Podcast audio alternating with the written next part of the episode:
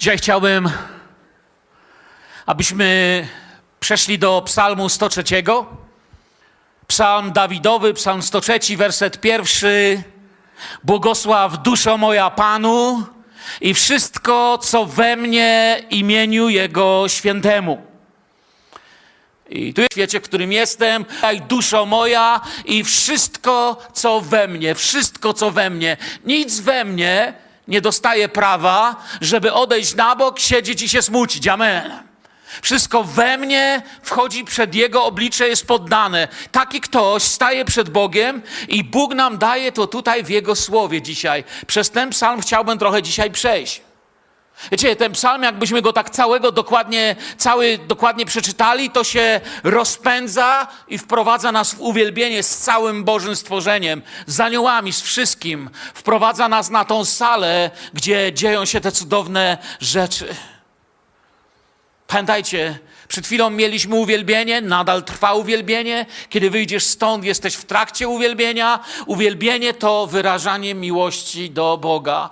Uwielbienie to wyrażanie miłości do Boga przez posłuszeństwo, przez życie poza murami kościoła również, czy budynku kościelnego. Uwielbienie to wyrażanie miłości, posłuszeństwa, uwagi na Słowo Boże, odpowiadanie do Boga, bliska z Nim relacja kochanie Boga. Wiesz o tym, że cokolwiek kochasz, będzie widać, jak to kochasz. Nie da się tak kochać, żeby człowiek nie widział, co kochasz. Jeżeli kogoś znasz, to wiesz, co kocha. Jeżeli ludzie się kochają, widać, że się kochają. Nie da się z całego serca kochać, miłować czegoś, żeby inni nie widzieli, że to kochamy. To dotyczy hobby, dotyczy takiej poważniejszej sfery jak małżeństwo i dotyczy tej najpoważniejszej jak duchowe wybory. Nie da się kochać, aby świat nie zobaczył, co kochasz, bo kocha się całym sobą. Każdy uwielbia. Ma coś w życiu, co uwielbia, coś uwielbiasz. Uwielbienie to wyrażanie miłości. Coś uwielbiasz, coś jest pierwsze, coś sprawia, że inne rzeczy muszą się odsunąć, bo coś uwielbiasz uwielbiasz i dla tego czegoś decydujesz się stawiać to na pierwszym miejscu. Słowo Boże i objawiający się nam Bóg mówi: postawcie mnie na pierwszym miejscu, a wszystko ułoży się wam na właściwym miejscu. To będzie widać, to będzie słychać. Mamy w życiu wiele takich rzeczy, i wiecie, czasami ktoś mówi, że nie wolno nam niczego więcej poza Panem Bogiem kochać. Takiego czegoś nie ma w Biblii. Wolno ci kochać sto rzeczy, ale Bóg jest jeden i musi być na pierwszym miejscu i nie będziesz miał nic ponad Boga ani obok Boga. Nie będziesz miał innego Boga obok, obok, nad nim, pod nim. On jest najważniejszy. On jest, wiecie, to brzmi jak ze sportu, ale on jest numer jeden. Amen. On jest numer jeden. Możesz kochać, przecież wolno mi kochać moją żonę, wolno mi kochać moje dzieci. Mam nawet prawo kochać moją pracę, kochać ludzi, kochać zbór. Nawet mogę kochać rzeczy, którymi się zajmuję, moje hobby. Ale najbardziej w życiu, gdy kocham mojego Boga, wszystko jest na właściwym miejscu. I źle jest, jak się okaże, że Bóg nie jest na pierwszym miejscu. I dzisiaj ten psalm zachęca nas do uwielbienia i mówi, co się w nas powinno dziać w czasie uwielbienia, co powinniśmy pamiętać. Psalm 103, werset drugi, piąty dalej. Błogosław duszo moja Panu i nie zapominaj o wszystkich dobrodziejstwach Jego, czy wszystkich dobrodziejstw Jego. On odpuszcza wszystkie winy Twoje, leczy wszystkie choroby Twoje. On ratuje od zguby życie Twoje. On wieńczy Cię łaską i litością. On nasyca dobrem życie Twoje, tak, iż odnawia się jak u orła młodość Twoja. Błogosław, barach, błogosław. Błogosław, uwielbiać. Błogosław to, to słowo tutaj znaczy błogosławić, klękać, chwalić, pozdrawiać. Miej pewną postawę względem swojego Boga. O czym myślimy w czasie uwielbienia i modlitwy?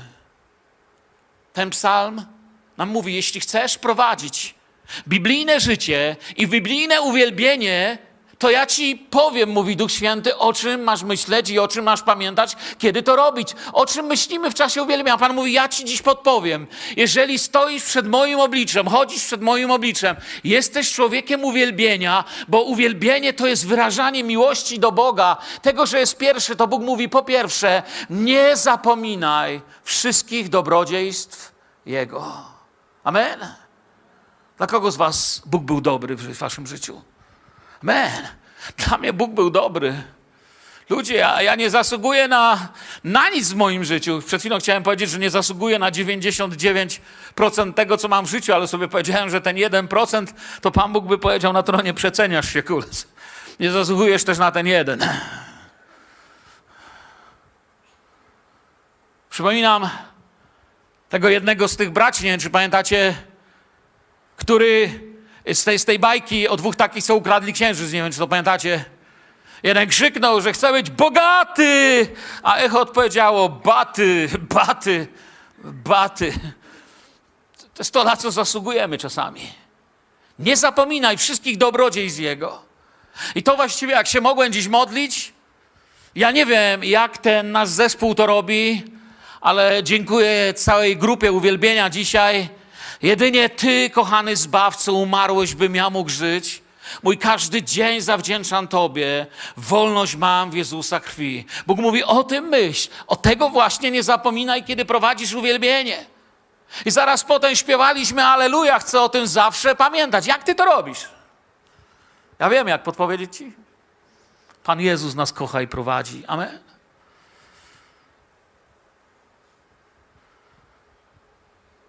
W Nim to mamy i robimy. O Panie, chcę o tym zawsze pamiętać, co dla mnie zrobiłeś Ty. Bóg nas obdarował. Pójdę z trochę innej strony teraz. Za niedługo znowu, nie wiem, chyba ostatnio nie byłem dawno w supermarkecie, ale pewnie już tam, już tam zaczynają święta, nie? Nie wiem, teraz zaczynają święta w supermarketach chyba w kwietniu. Ale za niedługo będą znowu święta, ludzie będą mówić o prezentach i tak dalej, będą wymieniać się prezentami, ok? I na pewno każdy z Was, jak tu jesteście, dostał w życiu prezenty. Albo był na takim spotkaniu, gdzie, gdzie były prezenty, kiedy właśnie, no choćby w święta, właśnie wszyscy otwierają prezenty. Nieraz tego doświadczałem w rodzinie bliższej, dalszej otwieramy prezenty i nigdy nie jest tak, że wiecie, otwieramy jeden, yy, mówimy super, no, resztę na potem, nie? Mo, może w lutym zobaczę. Nigdy nie traktujemy w ten sposób prezentów. Nikt, nikt nie zostawia prezentu nieotwartego. No chyba, że widzimy, że na kopercie pisze, że to twój bank i pisze, mamy dla ciebie prezent. No wtedy wiadomo, że nie otwieramy, nie? Bo mówią, że zamiast 18% będziesz miał 17,5%. Wysilili się. Każdy z nas w życiu dostał prezenty, ale nie zostawiamy nieotwartego. I wiecie, w kościele mamy pewien problem. Wielu z nas, i być może dzisiaj właśnie przyszedłeś na to nabożeństwo i jesteś jedną z tych obdarywanych osób, który, dla których Bóg ma dużo, dużo więcej, ale otwarłeś tylko jeden prezent.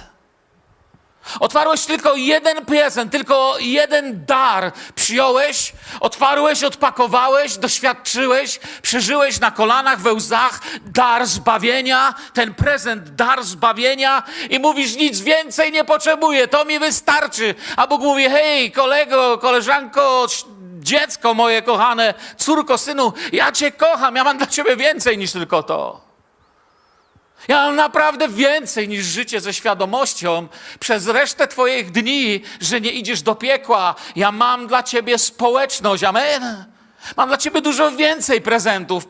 Otwórz inne. Bóg ma ich o wiele więcej. My zadowalamy się często tym jednym. Otwar, zbawienie, dobra. Teraz to byle do chrztu postawić ptaka i umrzeć.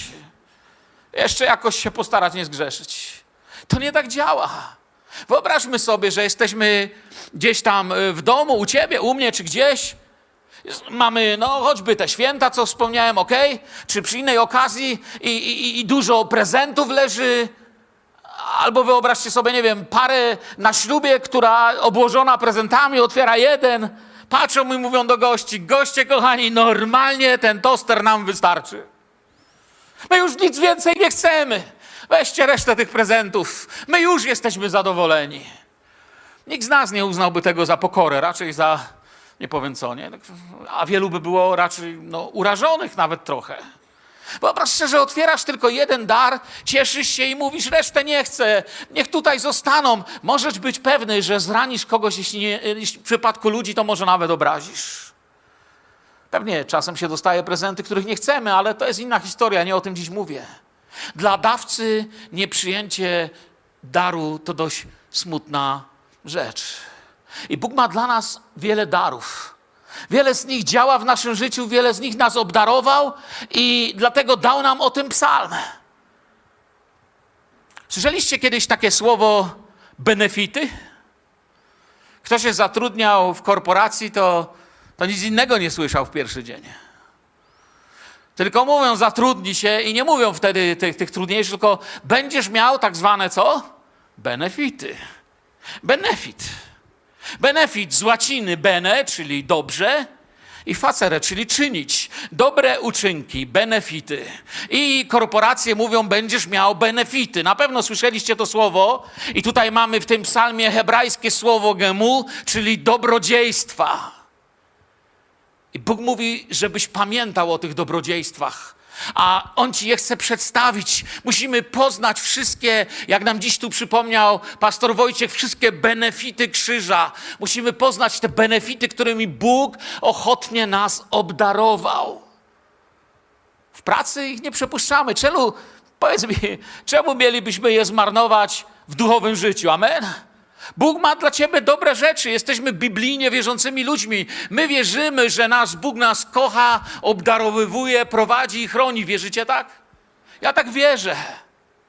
Nie, nie chcę robić Panu Bogu przykrości. Chcę każdy Jego dar przyjmować, radować się nim i chcę, żeby działał w moim życiu. I ten psalm podkreśla pierwszy, drugi, trzeci. Benefit. Porozmawiajmy o kilku tych benefitach, obdarowaniach, darach, o których Bóg mówi: Dałem je Wam, są w tym moim umiłowaniu Was, w tym, że Was umiłowałem i nie chciałem, aby ktokolwiek z Was umarł. Nie zapominajcie o tym, kiedy jesteście w uwielbieniu. Mogę powiedzieć pierwszy, e, najważniejszy, ale nie jedyny benefit. Wybaczenie i wolność od wszystkich naszych grzechów. Amen. To jest, wiecie, pierwsze, co człowiek musi znaleźć w kościele, jeśli się chcesz do czegoś przydać. Jeżeli przychodzisz tu i mówisz, chcę się przydać dla Boga, dla służby Bożej, chcę rozwijać w sobie serce sługi, który przyjmie jakieś powołanie i będzie coś robił w kościele, to nie ma innej kolejności. Kolejność jest zawsze ta sama. Najpierw musisz poznać Boga, potem musisz przyjąć od Niego Jego wolność. Znaleźć pełną wolność w Bogu, bo inaczej nic nie zrobisz. Kiedy znajdziesz wolność w Bogu, wtedy możesz poszukiwać Bożej woli, a kiedy odnajdziesz Bożą wolę, zmienisz jakiś mały lub większy kawałek rzeczywistości, codzienności i świata. I w inną stronę inaczej to nie pójdzie. On odpuszcza wszystkie winy Twoje, mówi słowo. Bóg mówi: Uwielbiaj mnie dzisiaj z całej duszy, ale proszę cię, nie rób tego z jakąś sklerozą. Czy chcesz powiedzieć, panie, żeby za bardzo uczuciowym nie być? Nie, mówię ci z całej duszy. Bądź sobie uczuciowy, włącz siebie w to, ale noś pamięci, we wdzięcznym sercu, że wybaczam tobie twoje wszystkie, wszystkie, wszystkie znaczy co? Wszystkie znaczy wszystkie. Dobry słownik macie wszystkie Twoje winy. Nie zapominaj, odpuściłem Ci Twoje grzechy. Weź swoje łoże i chodź. Wstawaj, jesteś we mnie kimś zupełnie innym niż to, co widziałeś w tym świecie, kiedy chodziłeś. O co chodzi Panu Bogu? Co chcę powiedzieć? Co widzę? Wiecie, kościoły wychowują setki ludzi w pewnym nieodpowiedzialnym błędzie nie wszystkie, ale dużo na świecie takich, takich zgromadzeń jest, gdzie, gdzie jakby nawet co innego z kazelnicy się głosi, ale nikt nie chce tego usłyszeć. Pewien nieodpowiedzialny błąd popełniamy. Staramy się robić coś dla Boga, żeby, y, żeby coś. Ktoś powie, co ty mówisz? Jeśli trzymasz się Boga dlatego, że coś dla Niego możesz zrobić, to umrzesz. Długo się nie utrzymasz. Przypominasz trochę muchę na szybie. Mieliście muchę na szybie, jak wyjeżdżaliście z parkingu? Każdy na pewno przeżył muchę na szybie. Każdy kierowca miał muchę na szybie, no nie? Wyjeżdżasz z parkingu, siedzi mucha i przyspieszasz i zastanawiasz się, kiedy odleci. Masz 40, ona się jeszcze trzyma. Niezła mucha. 45, 50 i nagle i nie ma jej. Zmiotło. I niektórzy z nas tyle dla Pana Boga chcą zrobić, że przy 20 jeszcze dają rady. Ale potem jest coraz gorzej. Jeżeli robisz coś dla Boga, bo to pozwala czuć ci Jego bliskość, to źle używasz swojej duszewności, czyli tego, co ma dusza robić, źle używasz swojej duchowości, czyli tego, co masz duchowo sobą przedstawiać. I na pewno umrzesz z wyczerpania i niezadowolenia. Takie chrześcijaństwo jest najtrudniejszym i najbardziej przykrym zjawiskiem, jakie możesz doświadczyć w swoim życiu. Nie dasz rady tak podtrzymywać społeczności. To tak nie działa. Dojdziesz do miejsca, gdzie będzie się wydawało, że Bóg nie robi nic innego, jak tylko ma wymagania, które ty musisz spełnić, a w gruncie rzeczy, gdybyś ty czegoś nie robił, to prawdopodobnie Bóg by dla ciebie niczego nie zrobił. I z takich miejsc biorą się głupie przysłowia typu, że szczerzonego Pan Bóg szczerze. Nigdy nie rozumiałem tego. Może mi ktoś wyjaśni. Znaczy, że co? Ok, idziemy dalej. Takie chrześcijaństwo jest strasznie trudne i nieszczęśliwe. Największym początkiem zmian i przebudzenia po nawróceniu jest odkrycie, które chcę Wam dziś powiedzieć. Chrześcijaństwo to nie jest jakieś samo tylko posłuszeństwo Biblii. Chrześcijaństwo to miłość do Boga, dająca mi potencjał i pragnienie być posłusznym temu słowu. Amen. Ja nie wziąłem słowa, żeby o własnych siłach być mu posłusznym, bo wtedy nawet nie potrzebujemy starotestamentowego czy nowotestamentowego, czy jakiegoś nowego objawienia o łasce Bożej w Jezusie Chrystusie, tylko starczy mi właściwie y, parę zasad, których i tak nie dam rady spełnić. Moje chrześcijaństwo nie polega na tylko czytaniu Biblii i mówieniu ludziom, że jestem posłusznym temu, co przeczytałem, ale polega na zakochaniu się w Bogu i byciu tak blisko Niego, że w mojej miłości do Pana wiele rzeczy, które mówi Słowo Boże, dzieją się, bo Go kocham. Amen. To jest tak jak miłość między mężem i żoną. Ja nie wyobrażam sobie, co by powiedziała moja żona, czy twoja żona, gdybyś do niej przyszedł i powiedział, kochana, tak się wysilam, żeby cię nie zdradzić. Normalnie jak chodzę, to, to nie mogę, no zdradziłbym cię, ale zobacz, kodeks prawa rodzinnego mówi, że ona by ci powiedziała w stoicy. Jezus by ci powiedział już w swoim sercu, popełniłeś grzech. Tu już nie chodzi o to, co się starasz, chodzi o to, kogo kochasz, czym naprawdę jesteś. Bo nie chodzi w chrześcijaństwie o Twoje posłuszeństwo, do którego się zmusisz, ale o miłość, w której doświadczysz bliskości Boga. To jest to, co pamiętacie, kiedyś mówiłem, że nie zadajemy pytania, że czasami ludzie prowadzą dysputę, kiedy się traci zbawienie. Ja, ja nienawidzę tej dyskusji i mówią, ile złego człowiek może zrobić, żeby pójść do piekła. Dlaczego nie zadajemy sobie pytania, jak blisko Ciebie, Zbawco, mogę być, żeby więcej Ciebie doświadczyć? Amen. I wtedy, nie wiem, czy pamiętacie tamten wykład, wtedy przeniosłem to też na małżeństwo i powiedziałem, wyobraź sobie, że pytasz żony, ile razy mogę Cię zdradzić, żebyś się nie pogniewała. Ona będzie, to, to nie jest miłość człowieku, ja chcę być kochana. To miłość do Boga daje mi potencjał i pragnienie posłuszeństwa po nas wszystkim. I oczywiście nie łapcie mnie teraz za słowo tutaj. Ja nie mówię teraz o braku dyscypliny i zmagania. Nie powiedziałem dzisiaj, że jak kochasz Pana Boga, to w ogóle wszystko z górki, wiesz co, nie musisz się starać, nie musisz przestrzegać przykazań, nie musisz po prostu czytać słowa uważniej. Kochasz Boga, to kochasz hulaj dusza. Nie, to nie jest to, co powiedziałem. Kto chciał mnie zrozumieć, myślę, że usłyszeliście mnie. Mówię nie o tym dzisiaj. Czasami nasze ja musi na nowo usłyszeć, że już nie prowadzi. Amen. Innymi słowami, bierzcie na siebie swój krzyż i naśladujcie mnie. Gdybym to miał prościej powiedzieć, to bym powiedział: Nasze ja musi usłyszeć, że ty już tutaj dłużej nie rządzisz. Poma- pozwalałem ci rządzić jakiś czas, i dlatego, że ci pozwalałem, moje ego, moje ja rządzić jakiś czas, parę razy, i tutaj każdy sobie może wymienić, jeden wylądował na izbie wyczeźwień, drugiemu się rodzina rozleciała, trzeci pijany się ubabrał na ulicy, czwarty krat, piąty i mógłbym tu wymieniać różne rzeczy, bo słuchałem moje ego, moje ja, które mi doradzało. Koniec, ty nie rządzisz. Idę za Jezusem, pokochałem Jezusa, umiłowałem Go, On mnie pierwszy umiłował. Jednak moja wiara oznacza się miłością do Boga, nie koniecznością robienia czegoś dla Niego.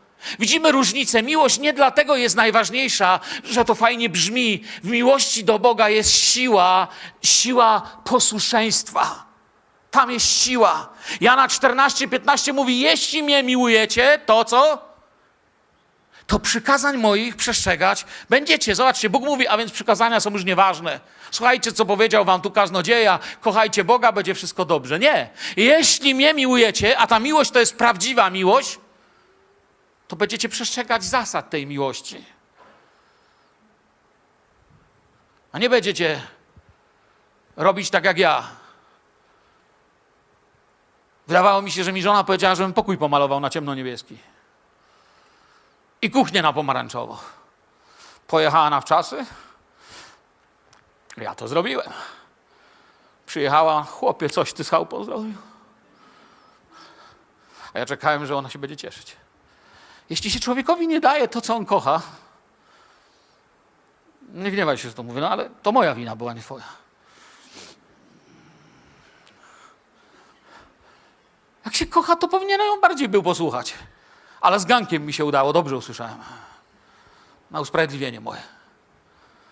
Wiecie o czym ja mówię? Jeżeli kogoś kochasz, to chcesz go obdarować tym, co on kocha. Ja się nie wysilam.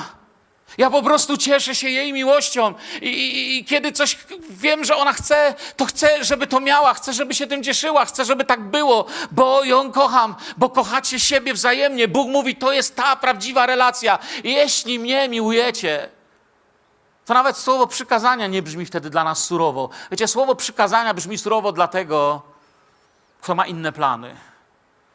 Ale dlatego, kto mówi, Panie, co chcesz, to słowo przykazania brzmi, jeśli mnie miłujecie, to wam powiem, co robić.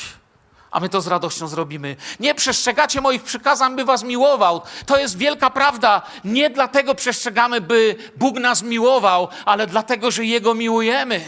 Nie wiem, nie dlatego nie kradnę, żeby pójść do nieba, ale nie kradnę dlatego, że jestem w drodze do nieba. Każdy z nasz grzech został w pełni zapłacony, w stu procentach na Golgocie. Co wy na to? Zgadzacie się z taką teorią, czy nie? Słabo się zgodziliście. Filadelfia może lepiej, powtórzę. Bo nie wyjdziemy stąd za szybko. Moim zdaniem, zdanie, które teraz powiedziałem, jak kaznodzieja wypowiada, to jeśli tego kaznodzieję kochacie, a Pana Boga bardziej, to powinniście lepiej zareagować. No jeszcze, to, to jeszcze gorsze było teraz. Jeszcze raz to powtórzę. Każdy nasz grzech, Filadelfio, twój i mój, całkowicie został zapłacony na krzyżu Golgoty. Niech będzie Jezusowi chwała. Co wy na to? No, nareszcie Filadelfia się obudziła. Chyba sobie budzik kupię tutaj na tą kazalnicę. Chwała Jezusowi. Bóg nas umiłował, zanim my go poznaliśmy. Gdy upadamy w grzech, nasza religijność doradza nam jakieś rodzaje odrabiania pańszczyzny, odrabiania wyrównania rachunku. Panie Boże, wczoraj kopłem psa, to dziś pogaskam kota. To nie jest chrześcijaństwo. To nawet nie jest judaizm. To w ogóle nie jest religia. To jest coś, co sobie sami wmawiamy. Próbujemy wyrównać rachunek, nie mamy takiej zdolności. Bóg dał w nas zdolność kochania Jezusa, ale nie zostania swoim osobistym zbawicielem, ale osobistą relację ze zbawicielem. Mam relację ze zbawcą. Bóg cię kocha, jeśli masz czyste motywy i Biblię I tych słów się nie da spłycić. Ktoś powie, wiesz, płytkie u was te kazania, tylko wam powtarzają, Bóg cię kocha, Bóg cię kocha, Bóg cię kocha. Tego się nie da spłycić, jeśli rozumiesz, kim jest Bóg i co zrobił, bo albowiem tak Bóg, co? Ukochał, umiłował, że... I to nie jest płytkie, dał Syna swojego. I to jest opowieść o Golgocie, o krzyżu. To nie jest coś płytkiego. Psalm 103, wracamy 8:12. Miłosierny, łaskawy jest Pan, cierpliwy i pełen dobroci. To jest to, co Bóg do ciebie mówi. Nikt nie musisz odrabiać. To nie jest kwestia pańszczyzny. Nie prawuje się ustawicznie, nie gniewa się na wieki, nie postępuje z nami według grzechów naszych, ani nie odpłaca nam według win naszych. Lecz jak wysoko jest niebo nad ziemią, tak wielki, wielka jest dobroć Jego dla tych, którzy się Go boją. Jak daleko jest wschód od zachodu, tak oddalił od nas występki nasze. Bóg mówi, kiedy uwielbienie macie, kiedy prowadzicie, kiedy uwielbianie tu trwa, wy bądźcie ludźmi, którzy nie zapominają, to jest to, co dla was zrobiłem. Nic nie możesz zrobić, nic na tym świecie nie możesz zrobić, żeby Bóg cię bardziej pokochał niż cię kocha. Jego miłość jest doskonała. Jeśli coś jest doskonałe, to jeśli coś się da do tego dodać, to znaczy, że albo przestanie być doskonałe, albo nie było doskonałe. Bóg cię kocha. Czasami tu tracimy cierpliwość. Tak, Bóg cię kocha, kocha, a gdzie o grzechu, bracie? Ciekawe, że z reguły ci, który, którym chciałbym powiedzieć o grzechu, one przychodzą, czemu nie było dziś o grzechu? Ma ta, mają taką potrzebę. Tylko o kochaniu. I często motyw, który stoi za takim czymś, jest w tym, że próbujemy uratować Pana Boga przed Jego naiwnością. I powiedzieć, Panie Boże, nie bądź naiwny, Ty nie możesz tylko tak kochać, kochać, kochać. Bóg tak nie robi. Skąd to wzięliśmy? Nie da się o kochaniu Bożym mówić bez mówienia o krzyżu. Jeśli mówisz o miłości Bożej i nie ma w tym krzyża, nie ma w tym zmiany i bliskości, to nie mówimy o Bogu objawionym w Biblii. Częściej w tych słowach jest raczej takie, wiecie, chęć czasami kontroli. Panie Boże, ja ci podpowiem, co robić, bo ten tutaj to chyba nie do końca uczciwy. Nie bój się. Bóg sobie radzi z nami. Bojaźń Boża sprawia, że, że, że jak wschód od zachodu słońca jest oddalone i, i, i to się nie spotka. Miłość Boża, przepraszam, sprawia, że Bóg to oddalił. On chce mieć w tej sprawie sklerozę kompletną, że się tak wyrazę. Bóg mówi: Ja nie pamiętam, miłuję Ciebie. Przestań wracać myślami do tego, co było. Nie siedź tu, nie wspominaj tamtych dni. Niech Twój żal, Twoja troska położone zostaną przede mną. Miłuję Cię, mam dla Ciebie plan. Poznać Boga, doświadczyć wolności w Bogu i odkryć Jego wolę dla swojego życia.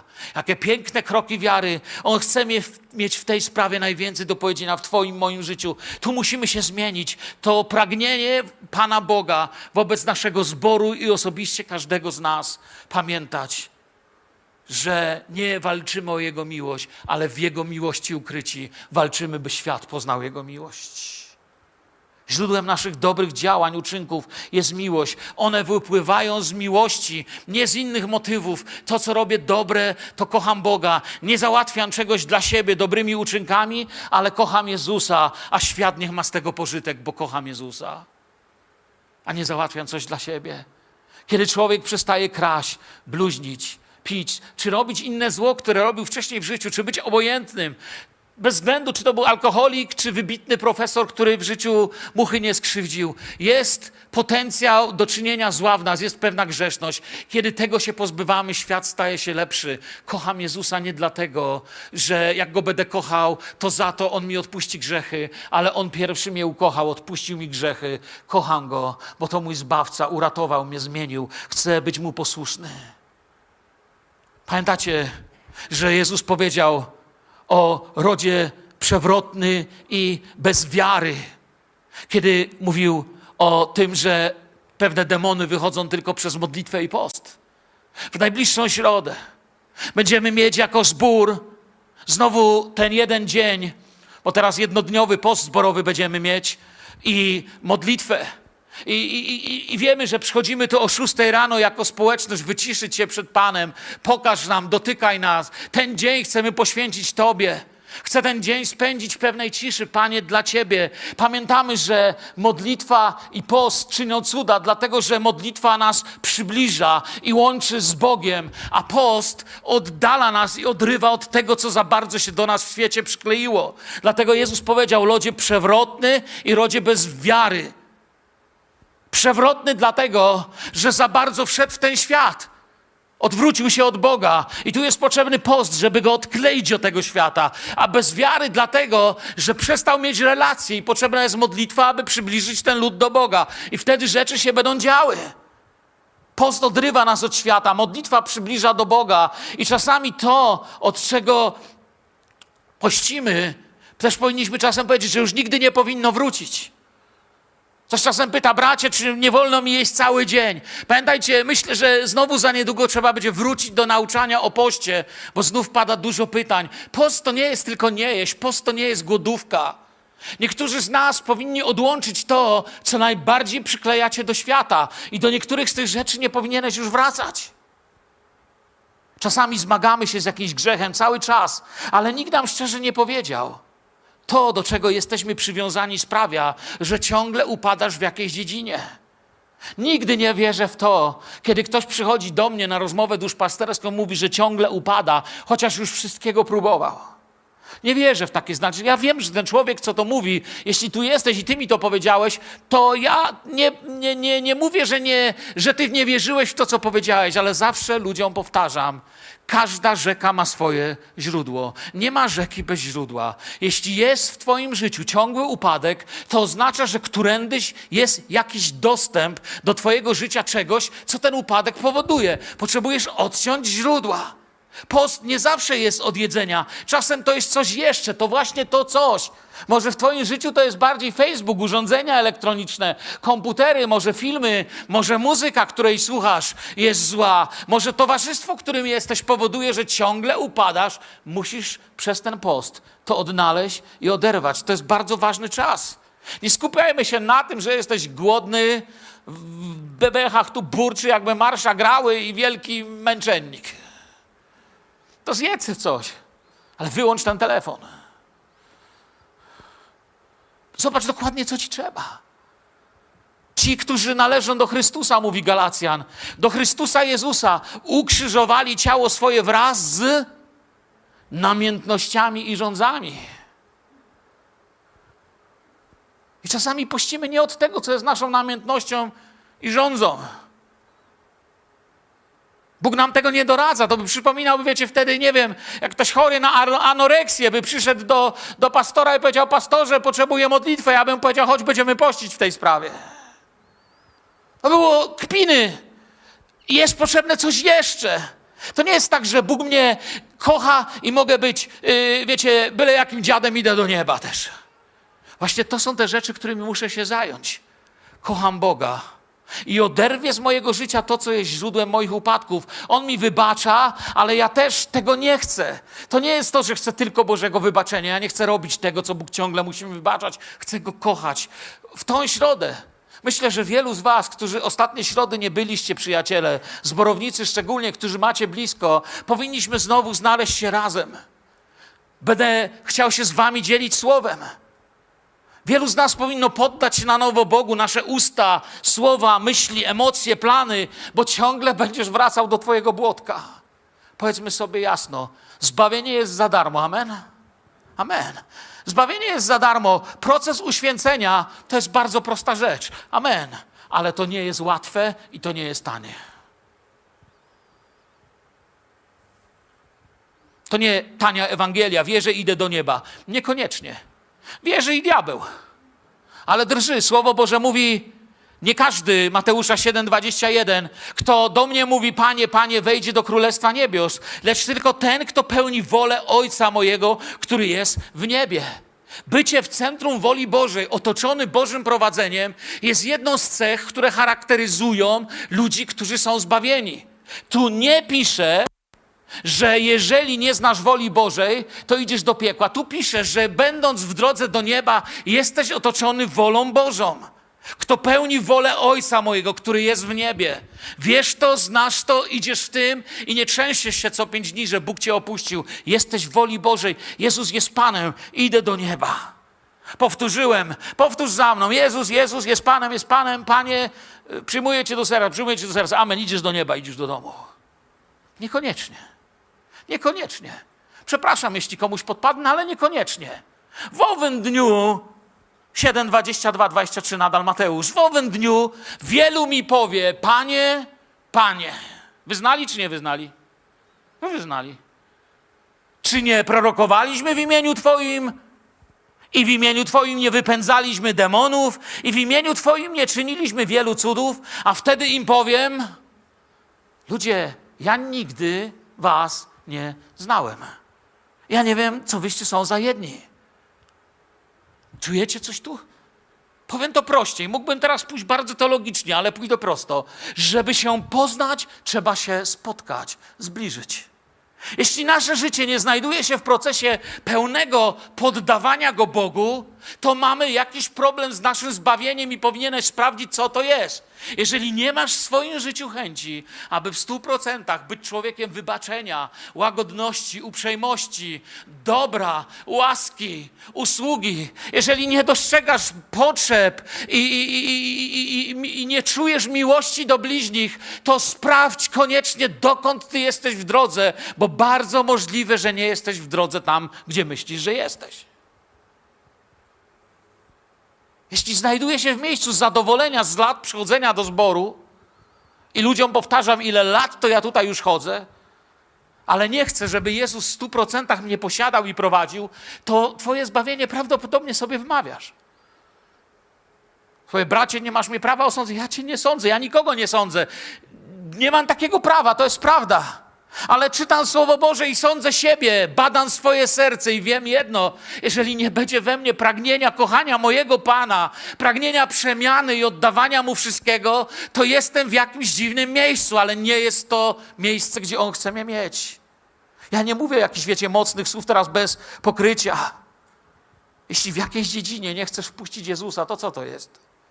Jeżeli ciągle uważasz, że wolno ci się w obrażeniu, w pysze, w niewybaczeniu poruszać. Jeżeli potrafisz minąć bliźniego i nie zareagować, to gdzie jesteś, bracie? Co, co my, siostro, co my tu w ogóle robimy? W co się bawimy? Musimy chcieć wpuścić Jezusa, bo uważam, że akurat najlepiej człowiek wie, jaki ma problem. I Jezus najlepiej wie, jak ten problem skończyć w naszym życiu. To nie tanie powtarzanie, to są drogie decyzje, czasami kosztują tyle, że tylko miłość pozwoli nam iść dalej. Bez miłości będą rzeczy ważniejsze niż On, głośniejsze niż powołanie. W dniu, kiedy człowiek przestaje kochać swoją żonę, albo żona przestaje kochać swojego męża, odnajdują rzeczy ważniejsze niż oni sami dla siebie. W dniu, kiedy rodzice nie kochają swoich dzieci, poznacie po tym, że dla tych rodziców są rzeczy ważniejsze niż ich własne dzieci. I kto doświadczył niekochania, wie, o czym ja teraz mówię, o jakim strasznym bólu mówię, kiedy człowiek czuje, że powinien być kochany, a nie jest kochany. Bóg pragnie, byś go kochał, byś był na pierwszym miejscu, by on był na pierwszym miejscu w Twoim życiu. Byliście kiedyś na randce? Ja cię nikt nie był. Jesteśmy jedyni, Gośka. Ja nie żartuję, wiem, że nikt nie chce podnieść ręki, przecież my nie chodzimy na randkę, chodzimy do kościoła, bracie. No. Jeśli byliście na randce, to coś wiem. Chrystus i Kościół to jest jak małżeństwo. Zgadzacie się, że Biblia przyrównuje Chrystusa i Kościół do małżeństwa? Paweł mówi, a ja odnoszę, kiedy mówi o mężu i żonie, mówi, a ja odnoszę to do Chrystusa i Kościoła, tak? Czyli które zdanie jest prawdziwe? Chrystus i Kościół to jest jak randka, czy Chrystus i Kościół to jest jak małżeństwo? Małżeństwo. Tak. A czym się różni to od siebie? No chyba nie muszę tłumaczyć, nie? Randka może być szczera. Zresztą z reguły dobra randka jest szczera. Nie wiem, czy to się może. Po kinie, czy gdzie tam, co robiliście razem, ona idzie w swoją stronę, ty idziesz w swoją, dwa dni jej nie widzisz, znów tęsknisz, znów się spotykacie. Ale po ślubie już tak nie będzie. Randka i ślub to nie to samo. I randka, tak jak mówię, może być szczera, ale to nie jest to samo. I problem jest taki, że my czasami chodzimy z Bogiem na randkę. Mamy z Bogiem na niedzielę i na środę umówioną randkę i ona jest szczera. My naprawdę w tą niedzielę Go kochamy. Ale potem wracamy do naszej rzeczywistości, a Bóg mówi, że ciało Chrystusa, On jest oblubieńcem, a my oblubienicą, że to jest jak małżeństwo. Wielu ludzi randkuje z Bogiem co tydzień i na święta. Bóg chce relacji miłosnej. Bóg, wiecie, no, no jest różnica randki i ślubu polega na tym, że ślub to jest przymierze, które sobie składamy, aż śmierć nas nie rozłączy. W wypadku Boga tego nawet nie ma, bo to ja jestem z wami po wszystkie dni do skończenia świata. No a potem, potem my będziemy z Nim po wszystkie dni na wieki. To jest przymierze. Połóż mnie jak pieczęć na swoim sercu, jak obrączkę na swoim ramieniu, mówi pieśń nad pieśniami. Albowiem miłość jest mocna jak śmierć, namiętność twarda jak szeol. Jej żar to żar ognia, to płomień Pana. Ósmy rozdział, szósty werset, pieśń nad pieśniami. Wybieram Cię na zawsze, na wszystkie dni. Jeśli pani młoda nie chce, nie wiem, obrączki, nazwiska, ślubu, a tylko mówi, wiesz co, właściwie to ślubu nie możemy, nie musimy brać, obrączki też nie kupuj, nazwisko se zostaw, a jakbyś mógł, to mieszkanie na mnie przepisz. To nikt tego nie nazwie. Czy ktoś to nazwie miłością? A my Bogu mówimy tak, wiesz co, obrączki nie trzeba, nowego imienia mi nie trzeba, ale jakbyś mógł, żebym do piekła nie poszedł, jakieś coś tam miejsce załatw. Ale ja nie to chcę. Ja chcę was kochać. Kochajcie mnie. Jeśli nie tak chcemy Boga, to nasze zbawienie jest fata morganą. On odpuszcza wszystkie winy twoje, leczy wszystkie choroby twoje. O, jaki werset, słyszycie go? E, 11.33, a ja doszedłem do drugiego wersetu kazania. Sukces. Wiem, że czas. A jeszcze parę rzeczy chcę wam powiedzieć. Zobaczmy ten werset jeszcze raz, żebyśmy go nie utracili. Trzeci werset. On odpuszcza wszystkie winy Twoje, leczy wszystkie choroby Twoje. Nie wiem, czy widzicie, co tu jest. To jest psychiczne i fizyczne zdrowie. Odpuszcza winy Twoje, leczy choroby Twoje. Psychiczne i fizyczne zdrowie. Grzech i choroby to, jest takie, to są takie diabelskie bliźniaki. Jezus widział wielu ludzi, którzy cierpią, widział po prostu obok niego to się działo, jak ludzie umierali, ginęli. I, i, I, jego odkupienie dotykało tej dziedziny. Uzdrowienie, wiecie, ma dzisiaj dużo legend. Co trzeba, jak trzeba, całe. Ma też wiele przesady w życiu niektórych, dlatego wielu ludzi przestało wierzyć. Inni z kolei nauczają, że przeminęły czasy uzdrowienia. Wiem, że żyjemy w upadłym świecie. Ktoś mówi, chory jesteś, bo zgrzeszyłeś. Gdzie z reguły kaznodzieja, który naucza, że kto, jest, kto zgrzeszył, to dlatego zachorował, przestaje to nauczać mniej więcej w 25 roku życia, jak go pierwszy raz gdzieś boli. Chorujemy, bo na tym świecie jest grzech. Paweł nie miał wątpliwości, kim jest Jezus, ale też, że nie stanie, że stanie się wszystko, że nie stanie się wszystko, o co prosił. Nie pozostawaj tego bez modlitwy. Bóg mówi, to jest Twój benefit. Może jesteś tu dzisiaj na nabożeństwie, a w Twoim organizmie jest choroba Niszczy cię dzisiaj depresja, nowotwór, jakieś inne bóle, jakieś coś dziwnego dzieje się w Twoim ciele. Połóż tam dziś rękę. Pomyśl o tym. Pomyśl o krzyżu Golgoty. Pomyśl o ranach. Jesteś tutaj pośród nas i być może teraz jesteś chory. Chodź się o Ciebie pomodlimy. Panie Jezu.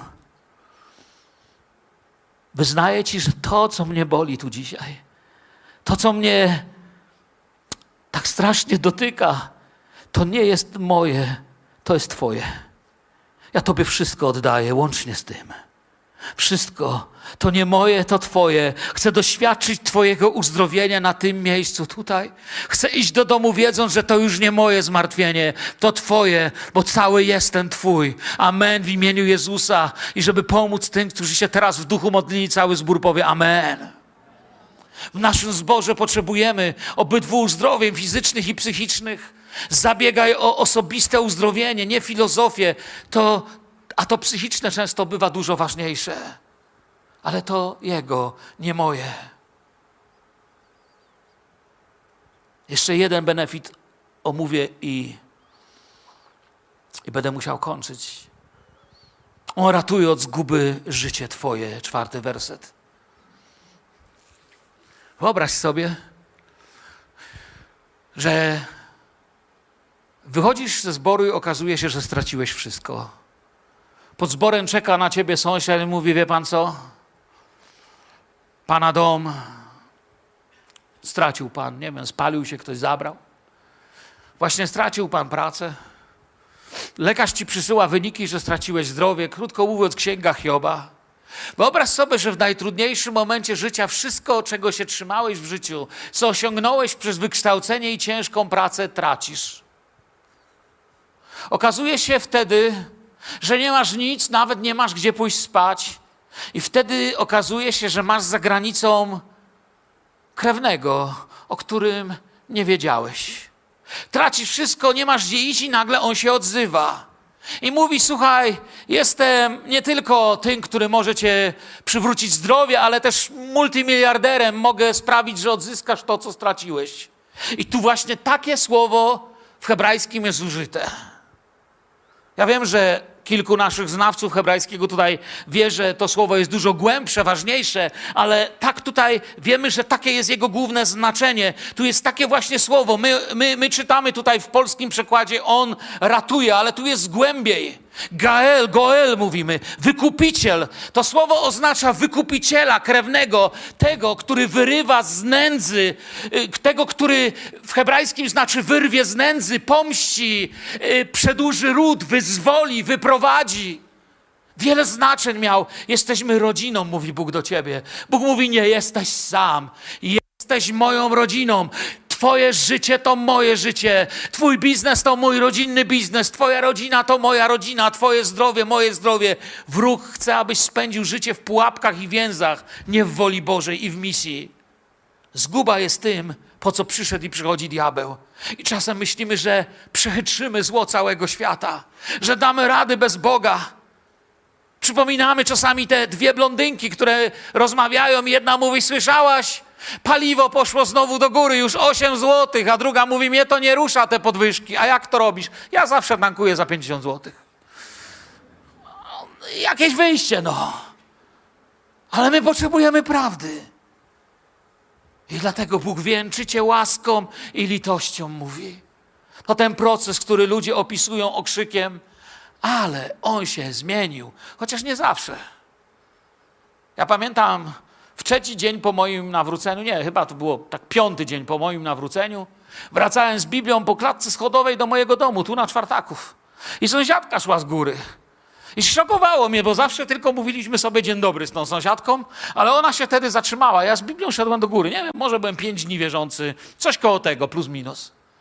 Spojrzała na mnie i mówi, taki fajny chłopak z ciebie był. Że czasy się jej pomyliły. A wy taki fajny chłopak był. Tata byłby z ciebie dumny. A co teraz mama powie? Mama za ciebie oczami świeci. Do jakiejś sekty wstąpiłeś. I zjechała mnie z góry na dół, jaki to ze mnie był fajny facet. Jak wracałem taki upity, że jej dzień dobry nie powiedziałem, to byłem fajny facet. Świat nie będzie się z tego cieszył. Ale wielu ludzi powie, jak on się zmienił. W dokładnym znaczeniu użytych tu słów został ukoronowany i otoczony łaską i litością. Takimi dzisiaj wyjdźcie z tego nabożeństwa. Ukoronowani łaską i litością. Był zły, sklęty, teraz jest uprzejmy i spokojny, albo coś innego, zmienił się, potrzebował na to czasu, tak Bóg nazywa ten czas, przyszedł po pomoc. Nazwał sprawy po imieniu, życie zaczęło się goić. To działanie Pana w nas poznajemy po większej cierpliwości, miłosierdziu, łagodności. Widzieć, jak Bóg wieńczy swoje dzieło zbawienia, warto się mu poddać. Jego uczniów potem poznają. Jego uczniowie tym owocują. 2 Koryntian 5:17. Tak więc jeśli ktoś jest w Chrystusie, nowym jest stworzeniem, stare przeminęło, to wszystko stało się nowe. Biblia opisuje ten proces i to nie jest proces niewidzialny i symboliczny. Czy to nie jest tak, że ja dalej przeklinam, jestem uzależniony, bluźnie, robię złe rzeczy, mam złe myśli, ale stanę przed wami i powiem wam, wiecie, ale symbolicznie to ja święty jestem. Ja nie chcę symbolicznego chrześcijaństwa, wy? Ja chcę prawdziwe rzeczy. I tutaj ten werset nie mówi o czymś symbolicznym. A co dopiero świat? Świat potrzebuje widzieć Jezusa. Czasami ludzie mówią, sprawa to moja prywatna, y, przepraszam, wiara to moja prywatna sprawa. Wiara to wiecie, stres, bo się śpieszę. Przekręcam słowa. Jak się kaznodzieja cieszy, yy, śpieszy, to, no, to, to się cieszy, nie? Tego nie ma w Biblii. To nie jest nasza prywatna sprawa. Na pewno nie jest niewidzialna. Wróg chce to zasłonić, będzie się starał, byśmy skarłowacieli duchowo i byli nieefektywni. I właśnie dlatego dołóżcie wszelkich starań, pisze do nas Piotr. I uzupełnicie waszą wiarę cnotą, cnotę poznaniem, poznanie pościągliwością, pościągliwość wytrwaniem, wytrwanie pobożnością, pobożność braterstwem, braterstwo miłością. Jeśli je bowiem posiadacie i one się pomnażają, to nie dopuszczą do tego, abyście byli bezczynni, bezużyteczni w poznaniu Pana naszego Jezusa Chrystusa. Oto cała tajemnica bezczynności w służbie. Pragnie, pragnę widzieć, wiecie, w nas, tu w Filadelfii, taką świętość, zachłanność na Boże rzeczy. Bóg chce nas nasycać dobrem nasze życie. Wstańmy do modlitwy. Chciałbym, byśmy spędzili chwilę teraz przed Jego obliczem. On mówi do nas, że On nasyca dobrem życie Twoje, tak iż odnawia się jak u orła młodość Twoja. Nie wiem, czy wiecie, że to słowo młodość tutaj mocno dotyczy ust. Nie tyle wieku, co ust. Bo właściwie one pierwsze pokazują starość i młodość. Przez to, co mówimy, niektórzy ludzie młodzi są starzy, a niektórzy starzy ludzie są młodzi.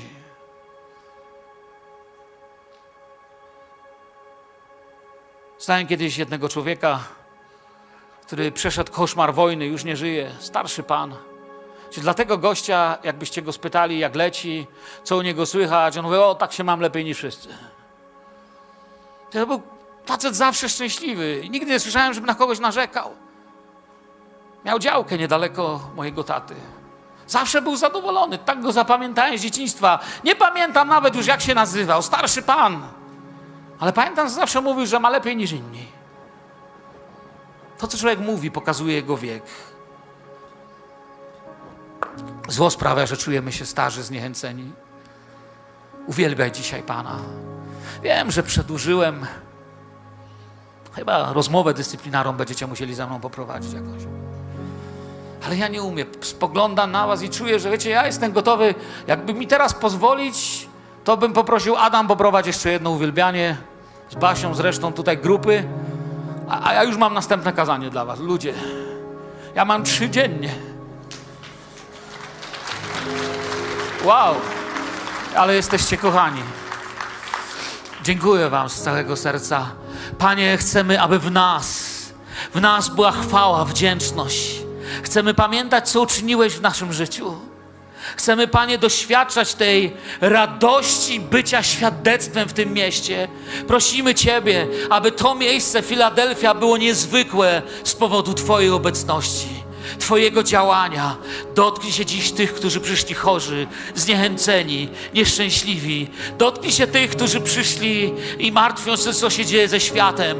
Pokaż im, że nasze, nasze ma się dobrze, nasze stoi dobrze, nasze trzyma się dobrze i wkrótce śmierci nie będzie ani smutku, ani narzekania, ani cmentarzy.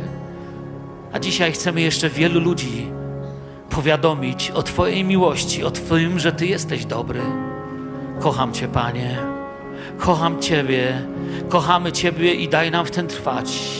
Poniedziałkiem, wtorkiem, środami, czwartkami, piątkami, sobotami, następną niedzielą.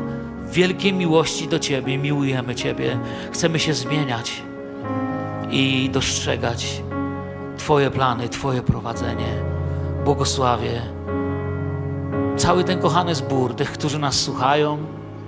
Dziękujemy Tobie za Twoją łaskę. Niech Pan Was prowadzi. Chwała Jezusowi. Amen.